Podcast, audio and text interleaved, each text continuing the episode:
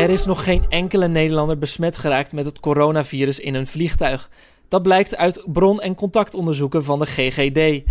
Op sommige plekken op Schiphol en in vliegtuigen zijn alle passagiers verplicht om een mondkapje te dragen. En ook kunnen thuiskomende reizigers zich op de luchthaven laten testen. Volgens het kabinet zijn er nu geen redenen om aanvullende maatregelen te nemen.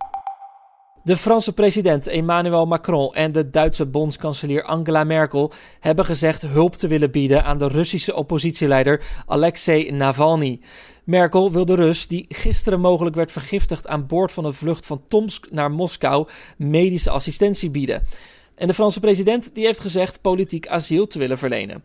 Navalny ligt momenteel buiten bewustzijn in het ziekenhuis.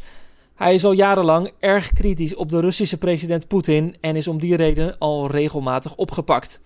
Een jaar geleden werd hij naar eigen zeggen nog vergiftigd door de Russen toen hij in de gevangenis zat.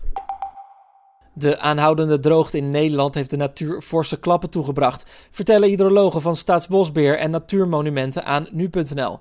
Ze vrezen dat veel zeldzame soorten amfibieën en vlinders zijn verdwenen, terwijl ook veel meer bomen zijn gestorven en heide afstierf.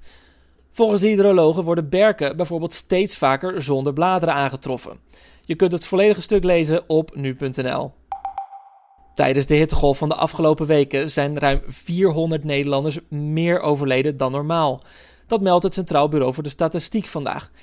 Het aantal sterfgevallen lag in week 33 ongeveer 17% hoger dan in vergelijking met de weken voor de hittegolf. En volgens het CBS kan dit aantal nog zeker gaan stijgen doordat de hittegolf bijna twee weken aanhield en de cijfers voor week 34 nog niet zijn verwerkt. In de beeld kwam het kwik voor een periode van 8 dagen niet onder de 30 graden uit. De coronacrisis heeft bij veel bedrijven voor problemen gezorgd en dus werd van de steunmaatregelen van de overheid veel gebruik gemaakt. Ruim 4 op de 10 midden- en kleinbedrijven maakten gebruik van één of meerdere steunpakketten van de overheid.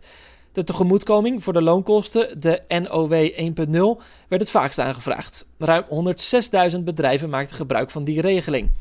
Ongeveer 95.000 bedrijven gebruikten de eenmalige tegemoetkoming van 4.000 euro, de TOGS. En tot slot vroegen ruim 64.000 bedrijven belastinguitstel aan. Dan het weer. Vandaag kan er eerst nog een forse onweersbui voorkomen, mogelijk vergezeld door hagel en zware windstoten. Overdag vallen er vooral in het oosten enkele buien met kans op onweer. In het westen blijft het vrij zonnig en ook in de rest van het land klaart het later op de dag op. Het wordt zo'n 24 tot 28 graden. Dit weekend ziet er goed uit, dan wisselen zon en buien elkaar af en zal de middagtemperatuur zakken naar zo'n 20 graden. Zaterdag kan er nog wel een stevige zuidwestenwind staan.